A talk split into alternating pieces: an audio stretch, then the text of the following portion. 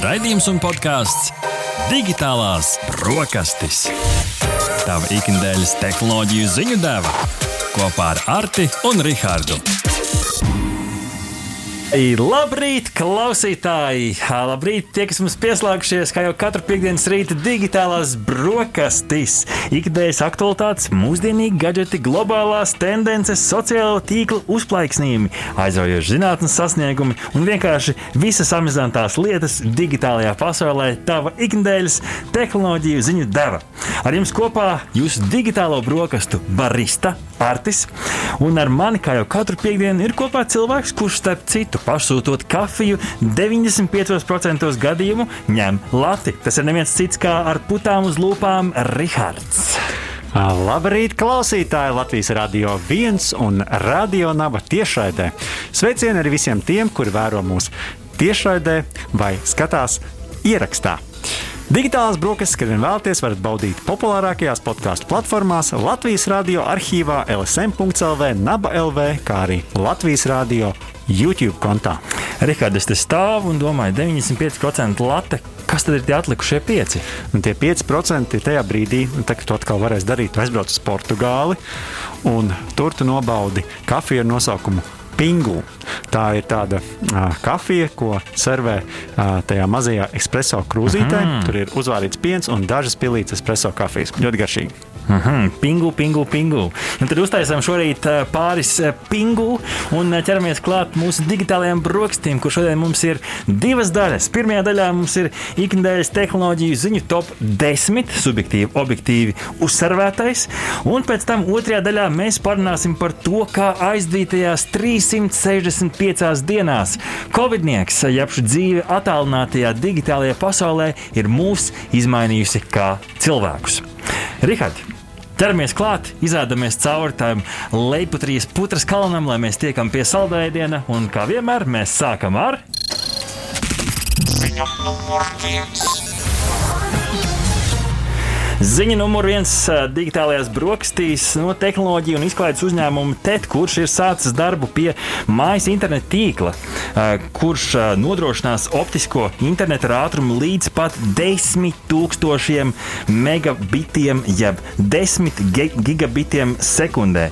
Nu, mežonīgs ātrums, Rihards, tā vienkāršā cilvēku valodā sakot.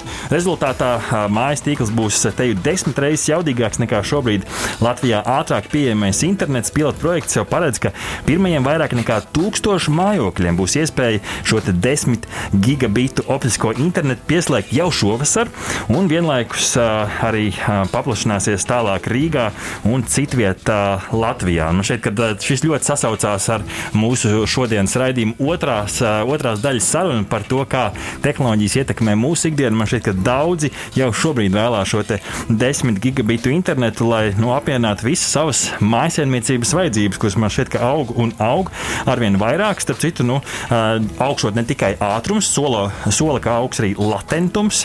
Tie, kas domā, vai tas kaut kas slaids, nē, tā ir tīkla aiztura, lai nekas nelego. Tā vienkārši, vienkāršā valodā sakot, palielināšoties arī šī savu, nu, savienojuma nepārtrauktība, uzticamība un drošība.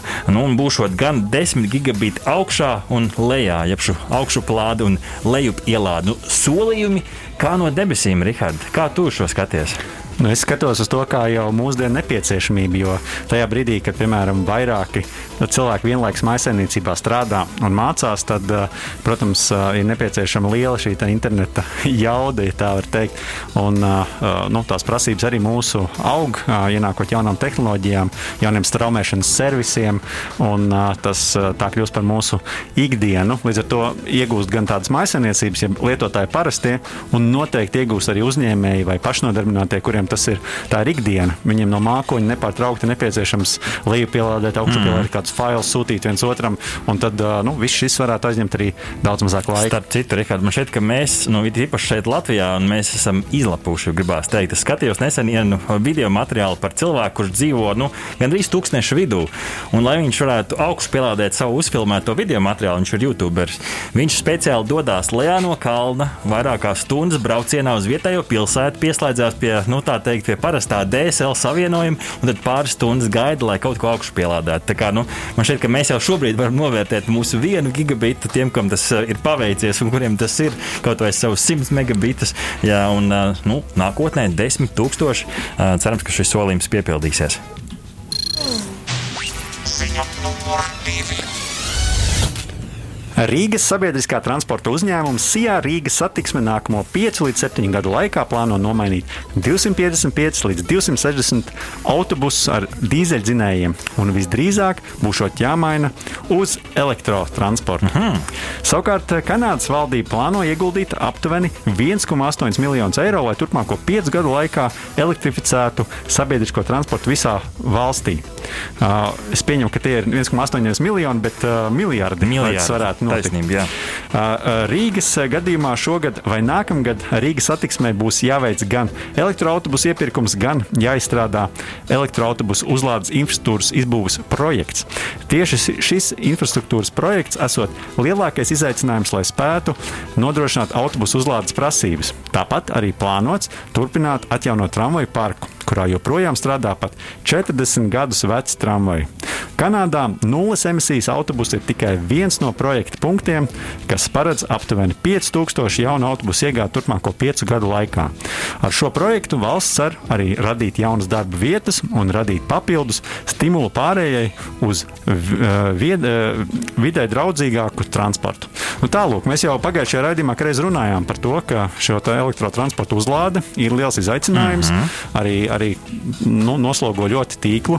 Tā kā patiesi, ja Rīgas satiksme plāno pāriet arī uz šādiem te un, un plašāk ievies šādus te ar akumulātoru darbināmus autobusus, tad tas noteikti būs izaicinājums arī šim te tīklam. Man vienkārši patika vienā ziņā salikt gan Latviju, gan Kanādu. Mums nemaz nav tik, tik slikta. Varbūt labi, Kanāda jau, jau iedalīja naudu un jau grasās pirkt. Nu, mēs varbūt vienu soli atpakaļ, bet uh, kaut kāda tendence un trends ir, jo Kanāda nu, tiešām mēģina uh, radīt šo te uh, nu, noieta tirgu arī elektroautomobīļiem un šādā veidā viņi stimulēt arī visu valsti, lai, lai arvien vairāk izmanto šos nu, videi draudzīgākos uh, automobīļus.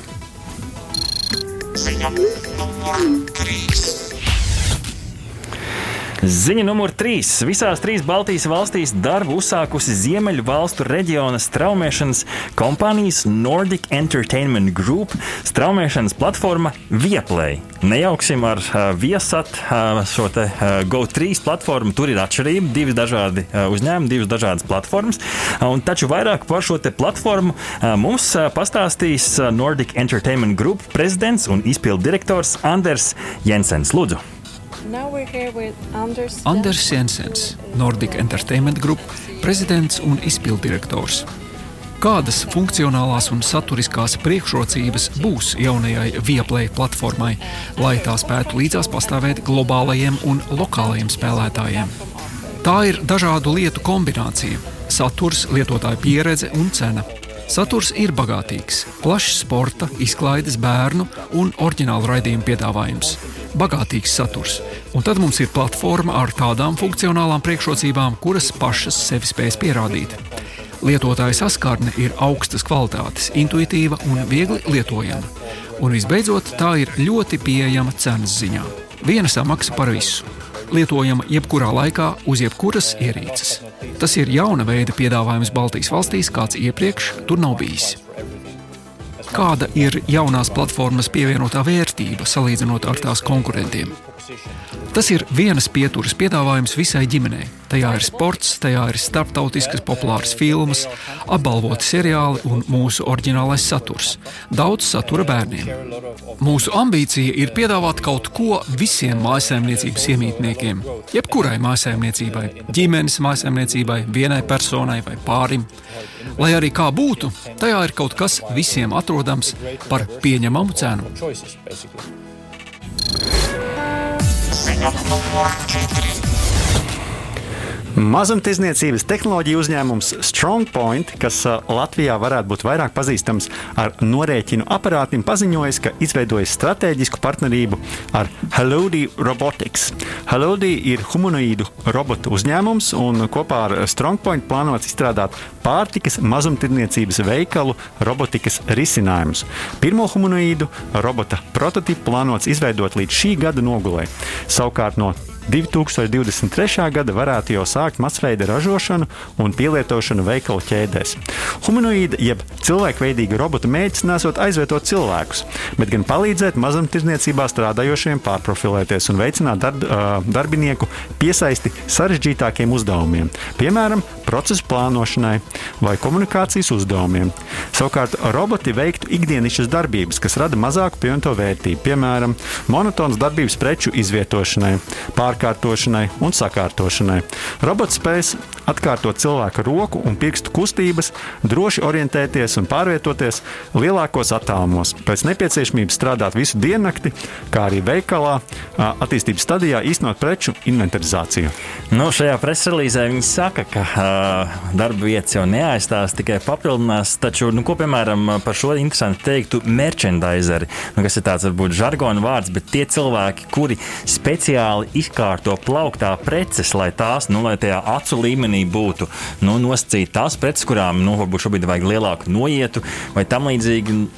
Vai robots spēj sadarīt arī šādas cilvēku pievienotās vērtības darbības? Tas ir mans jautājums. Es nezinu, vai tu to vari atbildēt. Gan. Jā, nu, interesanti, vai tam robotam būs galma vai ne, vai kaut kāds uh, prioritāšu saraksts, uh, vai tas būs tehnisks, vai tur būs iespēja arī, arī, arī šīs visas lietas mainīt uh, konstanti. Tas, protams, viss ir ļoti interesanti. Bet kādā ziņā noteikti labi ir tas, ka varēs strādāt cauri diennakti šis robots un darīt varbūt tos darbus, kas citkārt bija jādara vēl naktī citiem mūsu līdzpilsoņiem, lai nu, sagatavotu veikalu mūsu vajadzībām jau no rīta. Jo kopumā jau tā tendence nu, tā izslēgt tos iespējams vienkāršākos darbus, lai cilvēki var augt un attīstīties, jā, protams, bet no otras puses ir nu, kaut kāda cilvēka kategorija, nu, es ceru, ka nevienu neaizvaino šīs preses relīzes, nu, šis formulējums, vienkāršie, monotonie darbi. Ir cilvēki, kuriem patīk tos veikt. Es pats pazīstu cilvēku, kuriem vienkārši patīk aiziet uz veikalu, izdarīt savu darbu, salikt preces, un viņam ir padarīta darba sajūta, viņš iet mājās un nopelnīs naudu.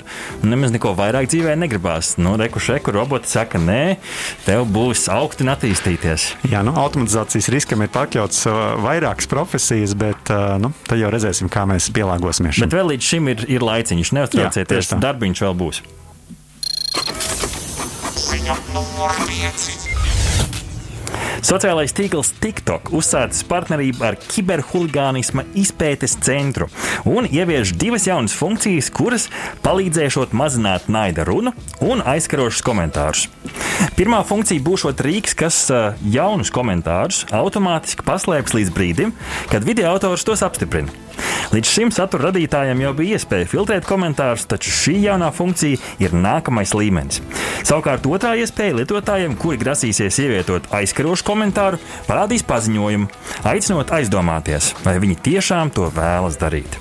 Šāda iespēja gan nav unikāla, jo sociālais tīkls Instagram jau kaut ko līdzīgu ievies 2019. gadā, izmantojot mākslīgā intelekta palīdzību. Twitter kaut ko līdzīgu jau testēja arī aizdītā gada vasarā, aicinot cilvēkam pārskatīt, nu, kāda veida šos ziņu rakstus viņš vēlās publicēt tālāk, lai tādā veidā ierobežotu dezinformāciju.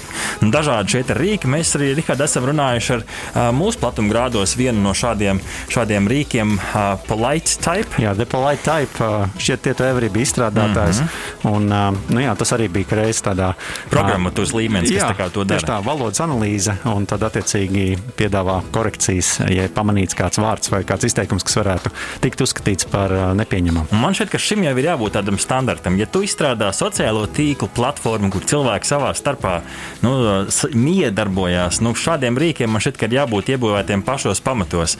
Nu, ļoti labi, ka ir šādi rīki, kas jau ir gatavas programmatūras, kuras nosacīt tikai iesprāģi štekerī, un tā jau strādā. Jo nu, esam arī daudz runājuši arī ar to pašu Nilu Saksu Konstantīnu, ka nu, cilvēki bieži vien varbūt pat neļaun domādam, bet nu, uzraksta uzraksta vienu teikumu, kas kā, nu, parāda viņa bravūru un, un, un izteiksmi, bet otrā galā cilvēkam nu, liela bēda. Jā, nu svarīgi, lai šī izvēles iespēja piedāvāta. Mm. Un tad līdzīgi kā mums ir autokorektors, kad mēs pārakstamies ar konkrētos vārdus, tieši kādu burtu uzrakstam nepareizi, tad līdzīgi būtu arī, arī, arī šādi pēc būtības kāds autokorektors. Godlike. Krievija un Ķīna noslēgušas vienošanos par starptautiskās zinātniskās mēnesis stacijas izveidi, kas riņķos apkārt Zemes pavadonim. Roskosmos, jeb Krievijas kosmosa aģentūra, savā paziņojumā atklāja, ka šī stacija būs sarežģīta, eksperimentāla izpētes vide, kura iespējams strādās kā uz mēnesis virsmas, tā arī tā orbītā. Mērķis iekarot mēnesis virsmu ir vairākām lielvalstīm. ASV, NASA, tās Gateway programma plāno kopā ar citām valstīm veikt līdzīgu misiju. Šajā programmā piedalās arī Eiropas kosmosa aģentūra, kuras dalībvalsts ir arī Latvija. Sadarbība starp NASA un Ķīnu savulaik 2011. gadā aizliedz ASV kongresa, kam dēļ Austrum lielvalstī Ķīnai nācās meklēt jaunus partnerus. Un tad nu, šeit arī rezultāts. Nu, man šķiet, ka ir izjukuši visi tie skaistie filmu scenāriji par, ja tu skaties kādas nu, tās mūsdienu fantastikas filmas, kur nu, ir šī vienotā zemes komanda, kas dodas uz Marsu, un tur ir no ASV, no Ķīnas, no Krievijas, no Itālijas, no Āfrikas, un tur ir no visi pārstāvēti. Bet šeit, nu, redz, divi, divi draugiņi sadavās rokā un teica, nekā nebūs šajā filmā ne Krievijas, ne Ķīnas. Jā, es atceros vienu filmu, kur bija citāts, kad viņi remontēja kosmosa kuģi un tur teica, ka krievu detaļas, amerikāņu detaļas, viss ražots Taivānā. Ziņa numur 7. Tehnoloģija uzņēmums Microsoft ir iegādājies Zenimax Media par 6,2 eh, miljoniem eiro. Zenimax ir Bethesda Softworks uzņēmuma īpašnieki, kuri labāk pazīstami ar to spēlēm Doom, Fallout, Elder Scrolls un Skyrim, Dishonored un Wolfenstein. Darījuma rezultātā Bethesda nākamās spēles varētu būt pieejamas tai skaitā ekskluzīvi Xbox komunas lietotājiem, kā arī uz spēļu konsoles, tā datoros. Šis darījums ir nākamais solis Xbox komunas attīstībā tieši, jo Microsoft pieder jau 23 spēļu studijas, un turpretī tā konkurentam Sony Entertainment šobrīd pieder tikai 13 spēļu studijas.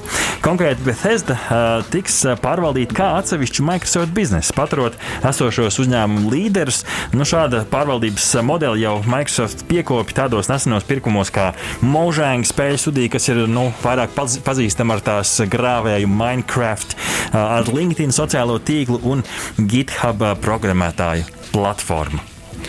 Jā, nu, šis katrā ziņā jau bija dzirdēts pirms tam, ka tas uh, notiks. Brieda un beidzot apstiprināja. Un tagad tas ir noticis. Ko, ko tu par to domā, kā Elder Scrolls fans? Nu, tā kā es esmu tajā Xbox komunā, tad uh, man Ievilku. tas, man varbūt tas tiešā veidā neskartu, bet uh, es jau ceru tomēr, ka uh, šīs spēles būs pieejamas ar visu citu platformu, platformu spēlētājiem, uh, spēļu uh, mīļotājiem, un, un ka nebūs tā, ka tas tās kļūs par tādu izslēdzošu biznesu, jo tomēr to fanu fanu skaits ir liels, un es domāju, ka arī uh, komūna kopumā no tā iegūst, kad ir daudz un dažādi šie te, uh, spēlētāji. Karš starp Microsoft un Sony uh, turpinās. Uh, nu, protams, nu, skaļi teikt, karš, uh, sāncensība. Nesen iznāca, ka reizes divas jaunās konsoles. Ceru, ka beidzot arī Latvijā viņas arvien vairāk ir pieejamas uh, spēlēt gribošajiem. Nu, un tad ir dažādi šie faktori, kas uh, liek cilvēkam izvēlēties vienu vai otru. Mūsu apskatā, kur mēs testējām abas konsoles, uh, sapratu, YouTube. Man šeit var atrast vēl apskatu video. Uh, šim te, um, testam, um, mēs, tas mūsu galvenais secinājums bija, ka nu, teikt, svaigā ārā no pakas Sony ar savu pulti izcēlās nu, ļoti labi. Un tagad uh, arvien vairāk es lasu dažādas ziņas, kur cilvēki saka, ka nu, tā pults ir perfekta. Nu, kā, kas var būt labāks par to?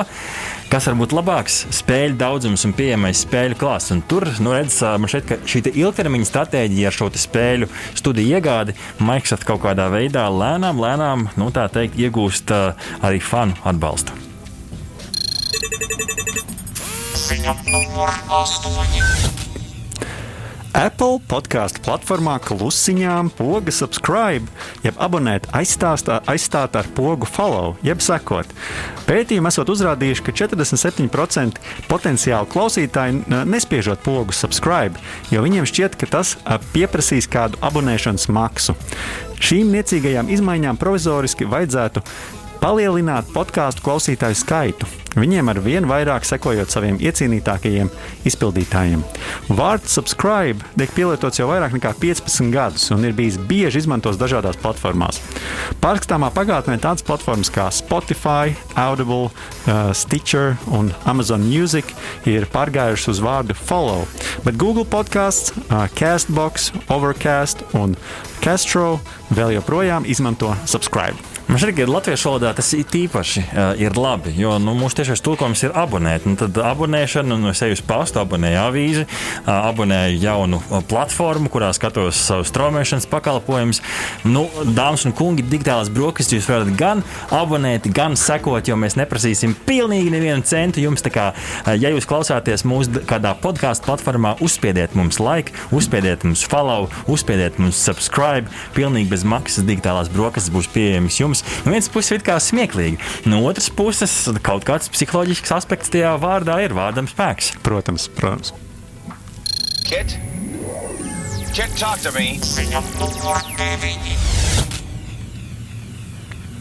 Vācija ir sākusi nopietni apsvērt iespēju aizliegt nepilngadīgajiem bērniem saskarties ar video spēlēs iestrādātiem pirkumiem, kas esat pielīdzināmi azartspēļu radītajam efektam. Visbiežāk šāds pay to win, jeb maksā un uzvari mehānisms, tiek realizēts loot boxes, jeb dārgumu lāžu formā.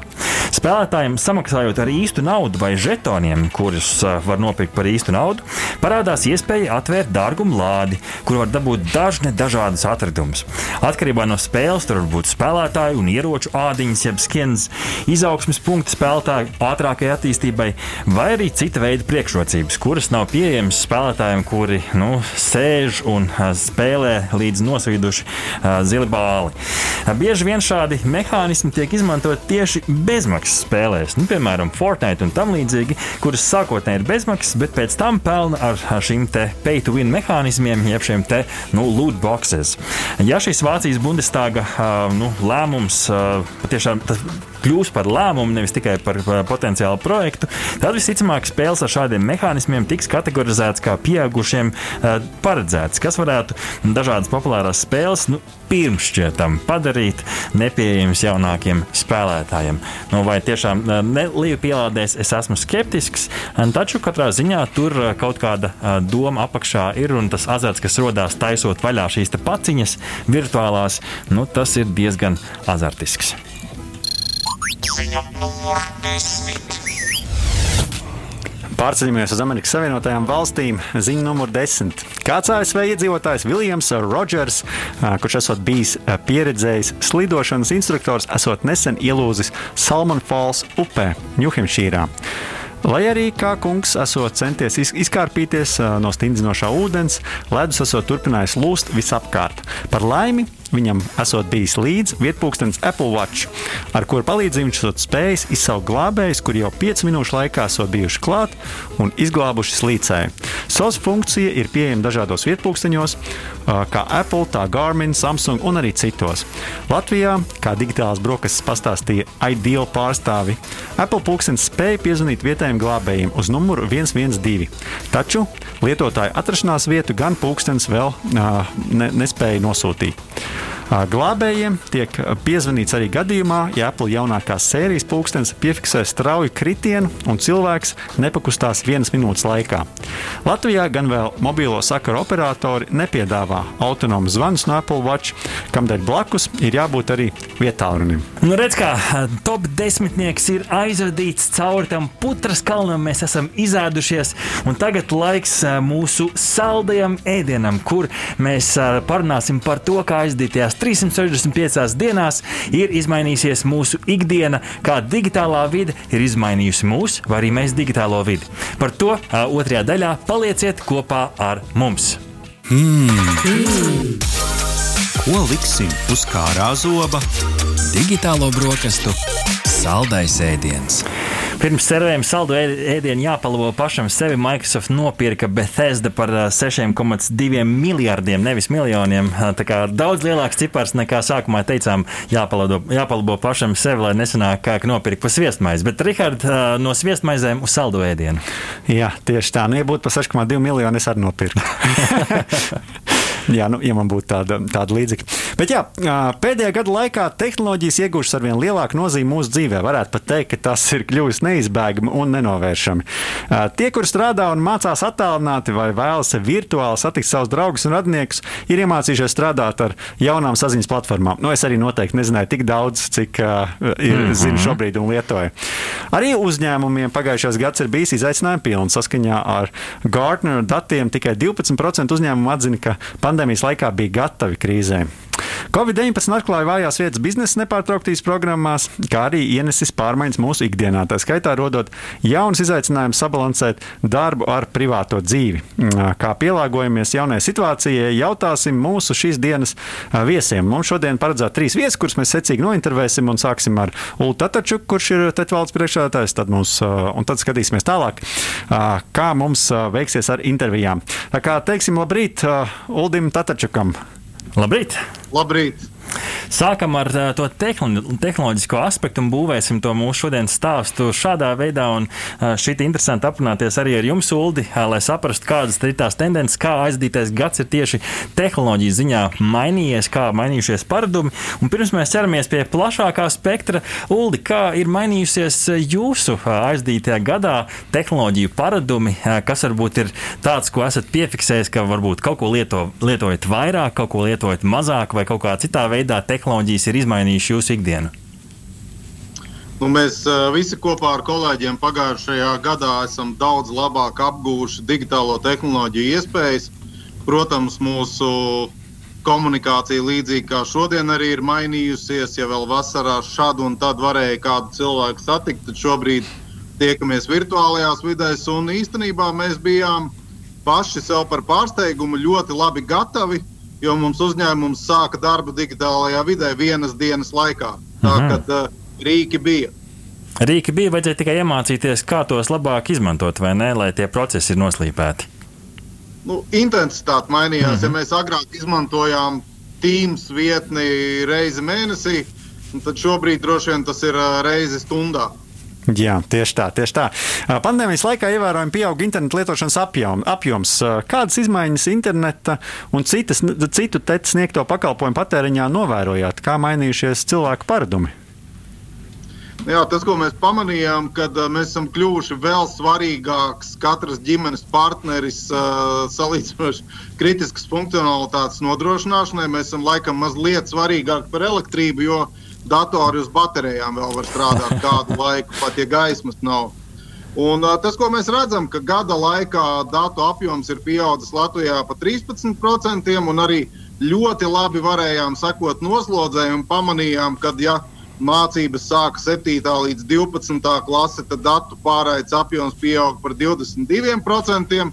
Atsevišķās nedēļās savukārt, ja jau citas grupa sāk strādāt attālināti un mācīties, tad arī bija dienas, kad pieauga par 50% atsevišķās stundās. Bet nu, labā ziņa ir tā, ka mūsu valsts digitālā infrastruktūra ir gatava šādiem izaicinājumiem, un praktiski mums nebija problēmu ar apjomu nodrošināšanu. Uh mhm. -huh.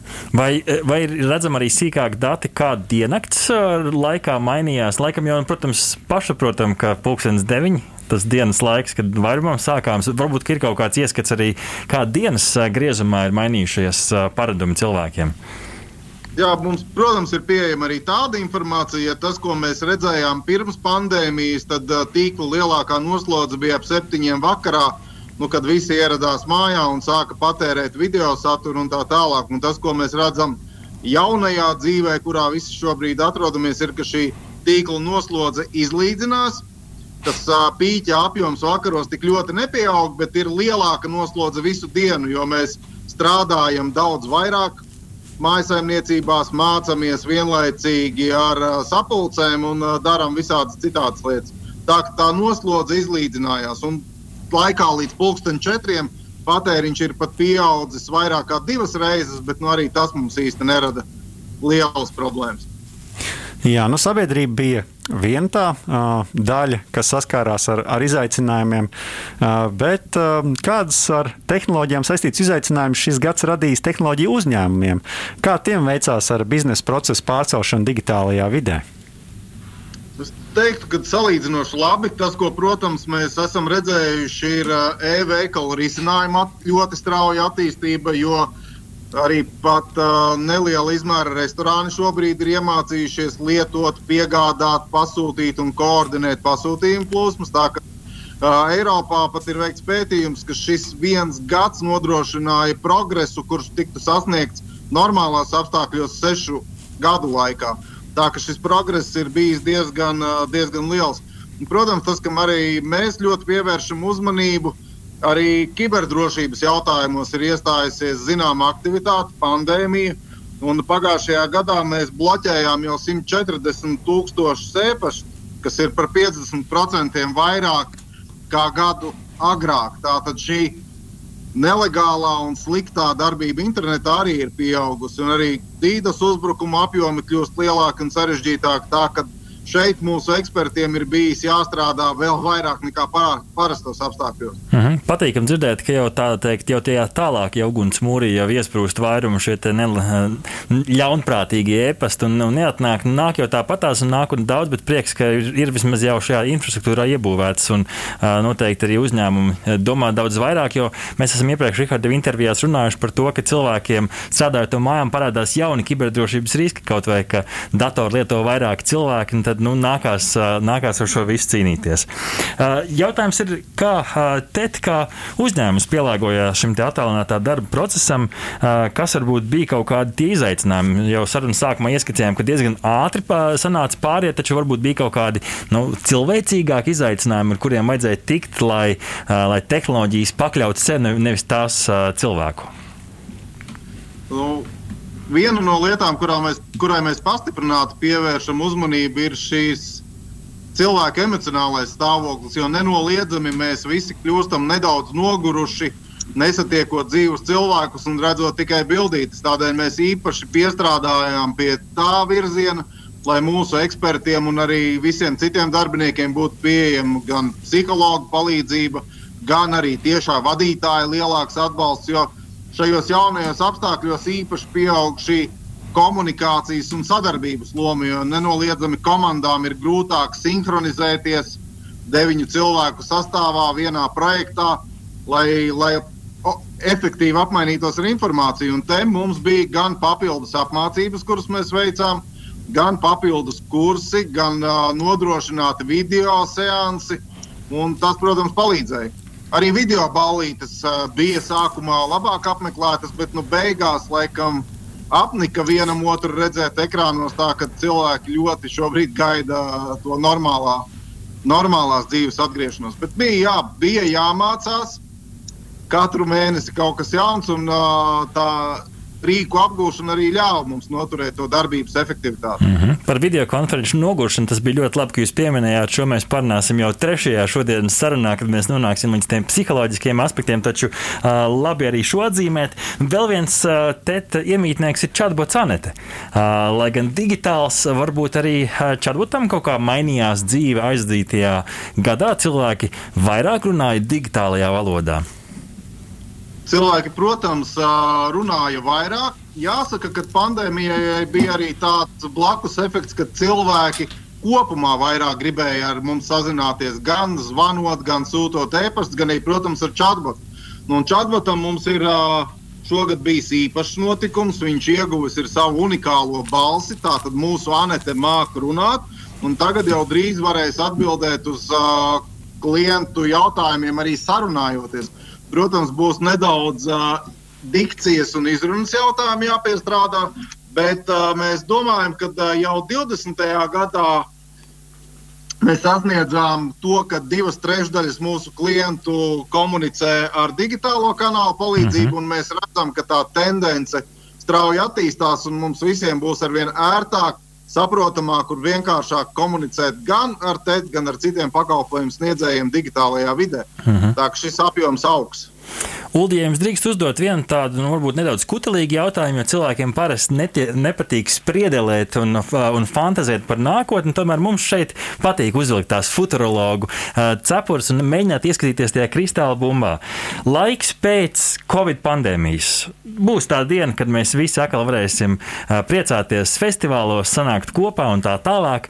Kā būs, kāda būs nu, teikt, skats uz šo pēc pandēmijas dzīvi no digitālās skatu punkta? Jau pieminējāt to, ka uzrāviens ir bijis milzīgs. Kas varētu būt kaut kādas lietas un tendences vai, vai šeit digitālā savienojumība ar cilvēku, kā tā attīstīsies tālāk? Mēs būvēsim jau uz esošā, vai arī nu, cilvēki visticamāk, nu, nevis visticamāk, bet vai cilvēki atgriezīsies atpakaļ pie tā ierastā ritma. Kā uz šo skatās Tet un kā uz šo skatāties jūs? Nu, es diezgan droši minēšu, ka pirmās divas nedēļas pēc pandēmijas beigām visi būs birojā, jo visi gribēs visus satikt. Un tad pamazām mēs atgriezīsimies normālajā dzīvē. Paliks šis elastīgā darba vides uh, risinājums, kur mums uh, šonadēļ noslēdzās darbinieku aptauja. Mūsu kolēģi novērtēja, ka uh, elastīgais uh, darba režīms, ko mēs ieviesām jau martā, uh, ir laba, vispār labākais, ko TET ir darbiniekiem piedāvājis pēdējā gada laikā. Tā ka šī tendence noteikti saglabāsies. Mums visiem vajadzēs arī daudz mazākas biroja telpas un būs, mūsuprāt, miksētais režīms. Daļa cilvēku divreiz nedēļā ieradīsies birojā, satikties ar kolēģiem, daļa nāks biežāk, bet kopumā šī vide saglabāsies un mēs varēsim daudz ērtāk strādāt visās Latvijas vietās. Mums arī šobrīd ir uh, fullstack programmētāji, kuri ļoti brīnišķīgi veic savus pienākumus mm. Prēļos, Cēsīs, citās vietās. Tātad cilvēkiem būs iespēja izvēlēties vietu, kur dzīvot, tādu, kur ir vairāk dabas, un arī strādāt ļoti tehnoloģiskos darbos. Tā, tas noteikti būs tas virziens, kur, kur attīstība notiks. Mm -hmm. Lielas paldies par šo sarunu par digitālajiem aspektiem. Mēs pārslēgsimies tālāk jau uz tiem psiholoģiskiem aspektiem. Parunāsim uh, jau ar uh, Austeru kungu, kurš ieskicēs, varbūt, kā ar šīm te tehnoloģijām cilvēki sajiet kopā. Tad šobrīd teiksim lielu paldies par iespēju ieskatīties šajā digitālajā aizkulisē un kā attīstās infrastruktūra. Liels paldies jums, Uldi! Tas bija Uldis Statačuks, TET valdes priekšādātājs. Un tad ķersimies klāt tai cilvēcīgajai pusē. Jā, esam sazvanījušies ar Ivaru Austaru, Latvijas Universitātes profesoru un psiholoģijas nodaļas vadītāju, kā arī radio naba raidījuma zinātnes vārdā vadītāju. Labrīt! Labrīt, labrīt. Uh, Nodaļas vadītājs es vairāk neesmu. Tur ir uh, digitāla problēma, uh, tur ir jāatjauno informācija. Bet uh, jā, jā, es zinu, ka tā ir. Var atrast internetā. Bet uh, tituls jau, kā teikt, tā, tā ir tikai maza birka. Cilvēks jau līdz ar to mazāks nepaliek, vai ne? Nu, profesors, es vēl aizvien esmu. Jā, droši vien jautāsim, Ivar, kas jums pietrūkst visvairāk no dzīves pirms pandēmijas? Ko jūs gaidat atpakaļ ar, ar siltu vasaru? Man dažreiz šķiet, ka man nekas nepietrūkst, bet nu, vispār jau pietrūkst, protams. Uh, Jā. Nu, koncerta dzīve man pietrūkst. Jūs jau ar Olu ar tikko runājāt, vai ne? Mm -hmm. koncertos, jā, tas man pirmais nāk prātā, protams. Uh, tas pats arī, ka uh, Nabā tos raidījumus rakstām. Es kopš oktobra neesmu nevienu raidījumu rakstījis Nabas studijā. Mm -hmm. Uh, tiešsaistē. Uh, satikties ar draugiem normāli, neapšaubām, jā, tas ir ļoti, ļoti svarīgi. Jā. Nu, tā, nu, es jau neko tādu baigi unikālu jums nepastāstīšu. Ne? Uh -huh. Un, Mēs gribējām to cilvēcīgo pusi. Tas nebūs slikti, lai tas nebūs slikti. Nu, gribās jau arī kādā ceļojumā aizbraukt. Vai ne? Vai ne? Bet no otras puses, es saprotu, ka uh, tur vajadzētu mums visiem būt mazliet skeptiskākiem pret uh, tiem ceļojumiem. Jo, nu, tā atgriešanās normālā dzīvē. It kā varētu to nozīmēt, bet no otras puses, tagad jau ir tas brīdis, kad to varētu piebremzēt. Es nezinu, to, to, to jau īstenībā ir grūti izdarīt. Mm -hmm. Visas tās ekonomikas atvesaļošanas programmas ir vērstas uz to, lai atkal dzīvotu kā bija. Bet, nu, es kaut kā reti esmu dzirdējis par to, ka um, tas dzīvesveids, tā patērētāja sabiedrības uh, dzīvošana jau noteikti ir svarīgs faktors, kas sekmēja to pandēmijas izplatību attīstību. Uh -huh, uh -huh. Pieslēgsimies tam digitālajai tēmai. Gribējām sākumā to cilvēcīgo, jo par cilvēcīgo mēs runāsim. Taču caur digitālo prizmu. Un saprotiet, Rihard, ka mums ir uh, atbilžu uh, rezultāti no LSM Instagram konta Story aptaujas. Jā, nu mēs jautājām, vai kopš pandēmijas sākuma tu lieto vairāk viedierīces. Un absolūts vairākums no 80% pateica, ka jā. Nu, Atcīmrot, vēl ir 20% aptuveni, kuri, kuri saka, ka viņi jau arī pirms tam noteikti lietoja daudz viedierīces, kas tā arī varētu būt. Bet no 80% saka, ka tas, ir, tas, tas noticis ir intensīvāk nekā iepriekš. Un tad jautājums, kā strauja tehnoloģija ienākšana mūsu ikdienā, nu, kā arī personīgā kontakta trūkums ar draugiem, kolēģiem, ir ietekmējis mūs kā individus un, un droši vien arī sabiedrību kopumā, vai, vai esam spējuši pielāgoties jaunajai realitātei. Tas, tas ir jautājums, man jāatbild tagad. Jā, jā vēlams. vēlams. Droši vien ļoti grūti atbildāms jautājums. Grūti atbildāms jautājums, bet nu, no saviem novērojumiem noteikti. Nu, kas cits, nu, kas cits, kas cits atliek jaudību? Nu, skaidrs, ka ir kaut kā jāpiemērojas, un es domāju, ka, nu, protams, atbild būtu jā. Nu, ir piemērojušies, esam piemērojušies, nav jau, nav jau citas uh, izējas. Bet uh, klausoties arī tajā, ko Uldis uh, stāstīja pirms manis par to, kas ir noticis biznesa vidē, es domāju, ka tur jau bija tie īstie mācīšanās kursi uzņēmējiem, īpaši droši vien kaut kādiem mazā vidējā biznesa pārstāvjiem, kuri sāk lietot tādas procedūras un operācijas, kādas līdz tam viņi nebija saņēmušies. Ja? Jo, jo, nu, eh, protams, ka var teikt, es esmu iemācījies Zoom lietot. Nu, tur zināmas prasmes, protams, ir vajadzīgas. Nu, Drusku grūtāk jau bija MS Teams sākotnējās versijās, kas nebija tik labi piejaucēts masām. Ja? Bet nu, šobrīd droši vien liela atšķirība vairāk nav. Vai lieto vai vienu vai otru, un bieži vien lietojot, tu nezini, ko tu lieto. Tagad, laikam, Zooms ir ieslēgts. Jā, es... Viss ir daudz maz vienādi. Uh, un, un, uh, jā, nu, jautājums, kā lieto? Vienkārši ieslēgt, nospiest vienu podziņu, lai varētu sarunāties. Nu, es domāju, ka tur jau nekādu milzīgo prasmu nevienam nevajadzēja. Bet uh, sākotnēji, piemēram, pasniedzējiem augstskolās vai skolotājiem skolās iemācīties vadīt lekcijas, seminārus, stundas. Nu, tur vajadzēja zinām attapību, ja, jo ne visi tie rīki bija tik eh, lietotājiem draudzīgi. Viņi tam nebija izdomāti, vai nu tur vajadzēja kaut kā piemērot, kaut kā, kaut kā domāt. Tā kā zinām attīstība tur tajā visā notika. Ja. Eh, es, es noteikti zinu, ka es arī varētu eh, vēl aizvien kaut ko iemācīties šajā jomā. Nu, vienkārši nav varbūt bijusi vajadzība. Nu, pilnīgi visu nevajag mācīt. Ja. Mhm. -huh. Bet, bet pats fakts, eh, ka no sākuma bija tas jāsāk lietot, jau bija ļoti, ļoti nogurdinošs. Es, es ritīgi nogurdu pavasarī. Mm -hmm. Nu, jebkurā gadījumā, šādā veidā sarunājoties, lasot lekcijas, tur ir, tur ir virkne faktoriem, kuri, kuri iespaido to, kāpēc mēs objektīvi skatoties nogurstam vairāk nekā klātienē, sarunājoties nekā klātienē, lasot lekcijas, vadot stundas un darot līdzīgas lietas. Ja. Uh -huh. Tā kā tur ir gan plus, gan mīnus. Ja tur, tur teiksim, uh, par, par to, ko Ulrichs teica. Par to nu, tādu arsenālu, vai ne, ka tev ir daudz rīku, daudz līdzekļu, kurus tu vari lietot un, un var izvēlēties, uh, kā to darbu organizēt.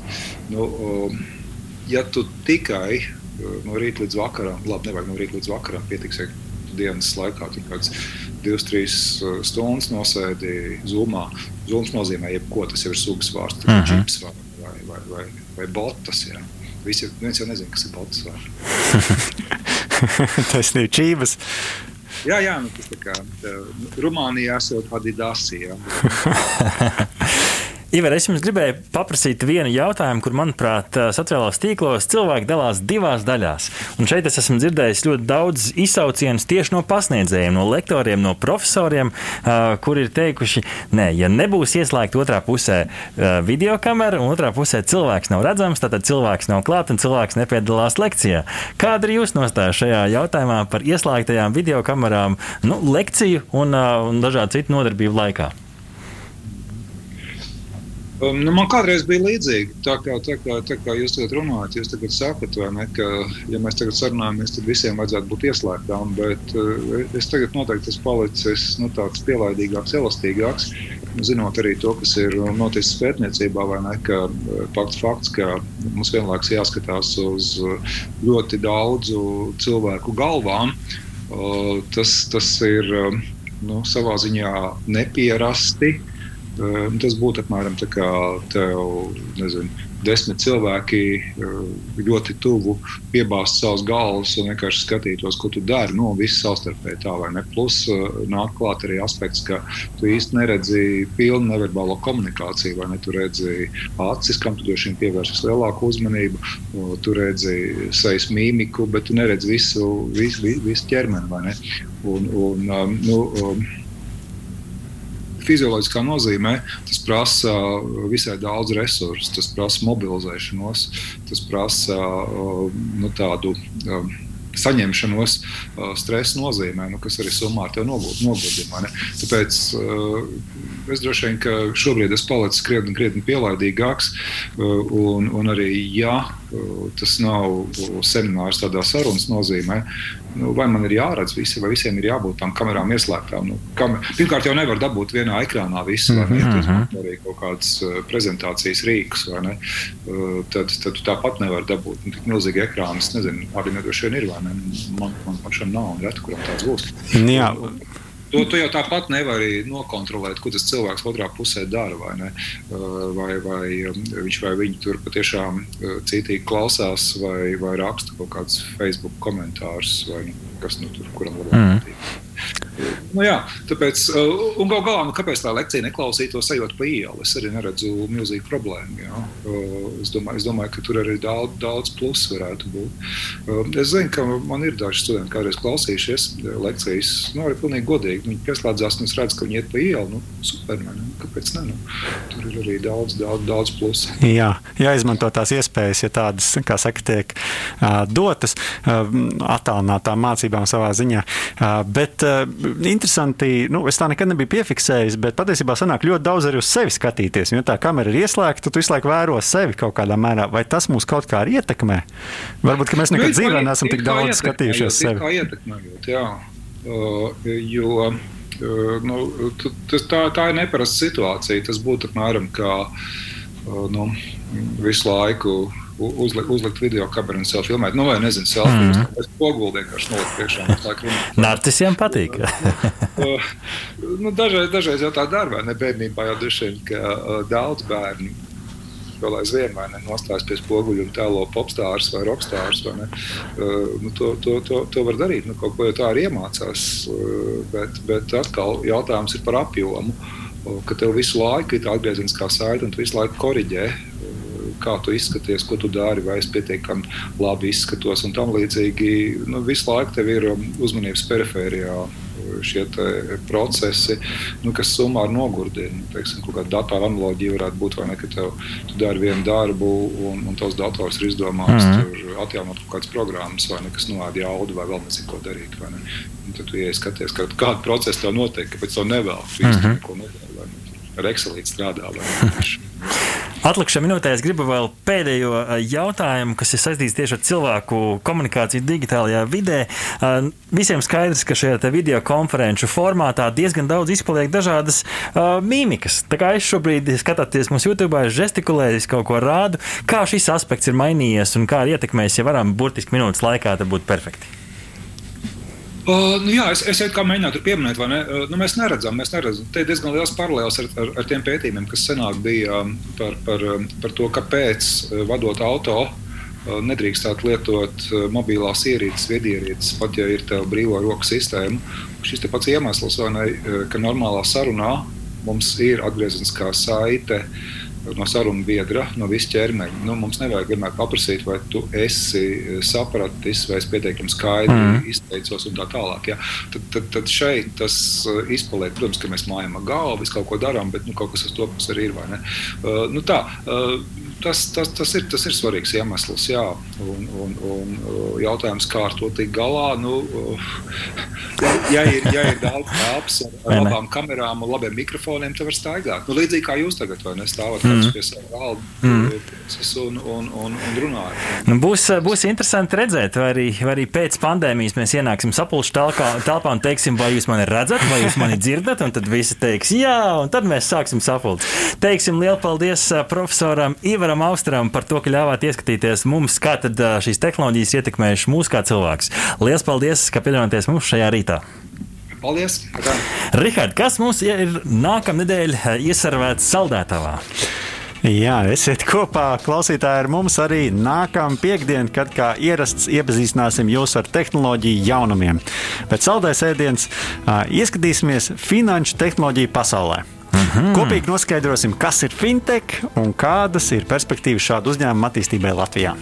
Paldies, ka dzērāt kafiju kopā ar mums. Mūzikas redaktors Girts Bišs, pie režijas pults Arnolds Auziņš, raidījumu veidoja radionāba autori Artis Ozoliņš un Rihards Bleses speciāli Latvijas Radio 1. Tu klausījies digitālās brokastis katru piekdienu no 10 līdz 11. Arī podkāstu formātā, populārākajās platformās. Digitālās brokastis. Tava ikdienas tehnoloģiju ziņu deva.